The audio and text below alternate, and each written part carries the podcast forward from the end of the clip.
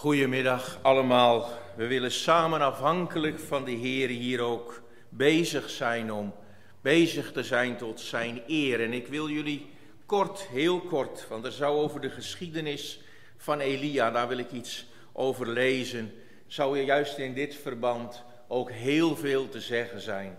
Maar ik ga even een paar versen eruit lichten en kort daar iets van zeggen. Het eerste vers dat is 1 Koningen 16, vers 34. In zijn dagen, dat zijn de dagen van Agab, bouwde Hiel uit Bethel Jericho weer op.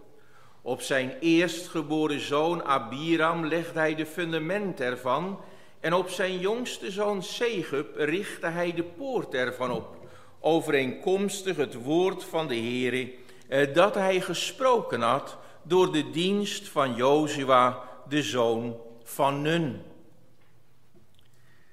De situatie kennen hebben we het over gehad. Wat was de situatie op dat moment dat Jericho herbouwd werd, in de zin van dat er muren werden gebouwd? Dat was de situatie waarin de Heere niet meer als de enig heilige God gediend werd. En dat is ook de situatie waarin wij leven, waarin je ziet dat we losgekomen zijn al meer van de heiligheid van de Heer. Dat was voorbereid in het tienstammenrijk, doordat Jerobiam er al mee begon om de Heer op een verkeerde manier te dienen. En ze niet meer naar Jeruzalem te laten gaan, maar in Dan en Bethel de Heer te vereren door beelden. En dan zie je hoe dat gebeurt als de afwijking er is, hoe mensen vervreemden van de Heere als de heilige God. En wat gebeurt er onder Agap? Je zou kunnen zeggen, de zonde tegen het tweede gebod wordt nu ook officieel zonde tegen het eerste gebod. Want er wordt een tempel gebouwd voor Baal, Astarte wordt gediend en dat op initiatief van de koning. En het gevolg is dat er rechtstreeks tegen de wil van God wordt ingegaan. Jozua had nog gezegd dat Jericho niet herbouwd mocht worden. En Hiel zorgt met steun van Agap ervoor dat de stad herbouwd wordt. En dan zie je ook hoe diep het verzet in de mens zit. Want al is het dan ten koste van twee zonen, het gaat toch door. En dan dat, dat volgende vers. En Elia de Tisbiet uit de inwoners van Gilead zei tegen Agab, zo waar de Heere de God van Israël heeft, voor wiens aangezicht ik sta, ik zal deze jaren geen dauw of regen komen, behalve op mijn woord. Elia. En er werd net al even over gesproken, Elia en Jeremia. Bij Elia zie je daar dat getuigenis van een profeet klaar en helder. Maar je ziet ook de bewogenheid.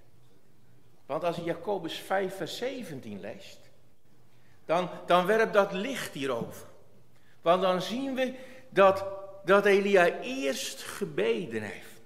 Hij ziet de nood van het volk, hij ziet het verlaten van de Here en hij bidt, Heere, als het nodig is, kom dan met uw oordeel om op het hart van dit volk te kloppen.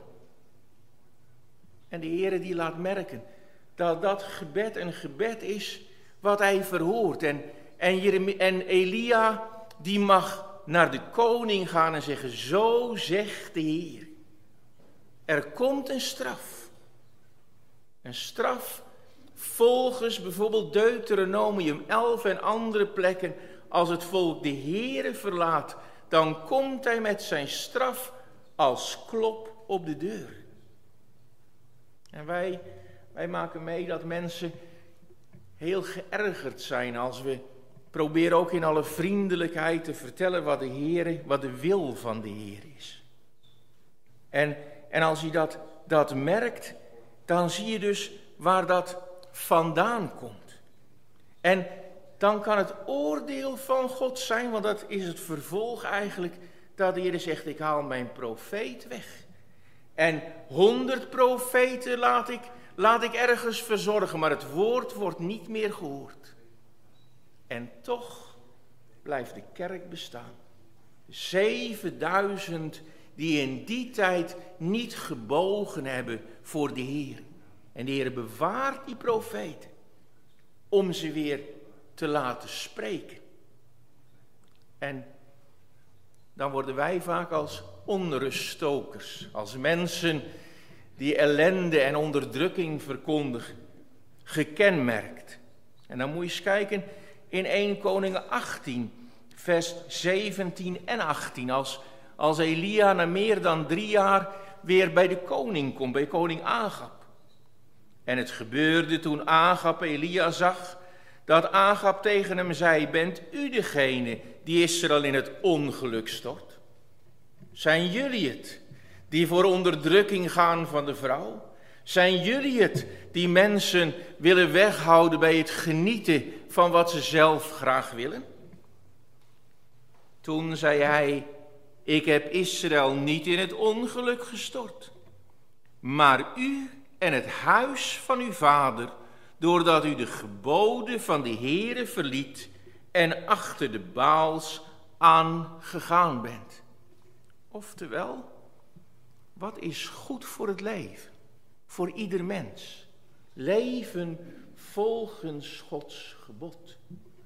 En als je dan denkt aan de opmerkingen die over de scheppingsorde werden gemaakt, ik denk dat het ons heel veel zal helpen als we, als we als het ware dat woord scheppingsorde, dat we dat niet zeg maar als een soort technische term gebruiken, maar laten zien, het is de orde die de schepper zelf afkondigt en zelf handhaaft. Het gaat om de verhouding, ook daarin, om de verhouding tot de Heere, tot de Schepper. En het is niet een of andere orde of theorie die we zelf bedacht hebben.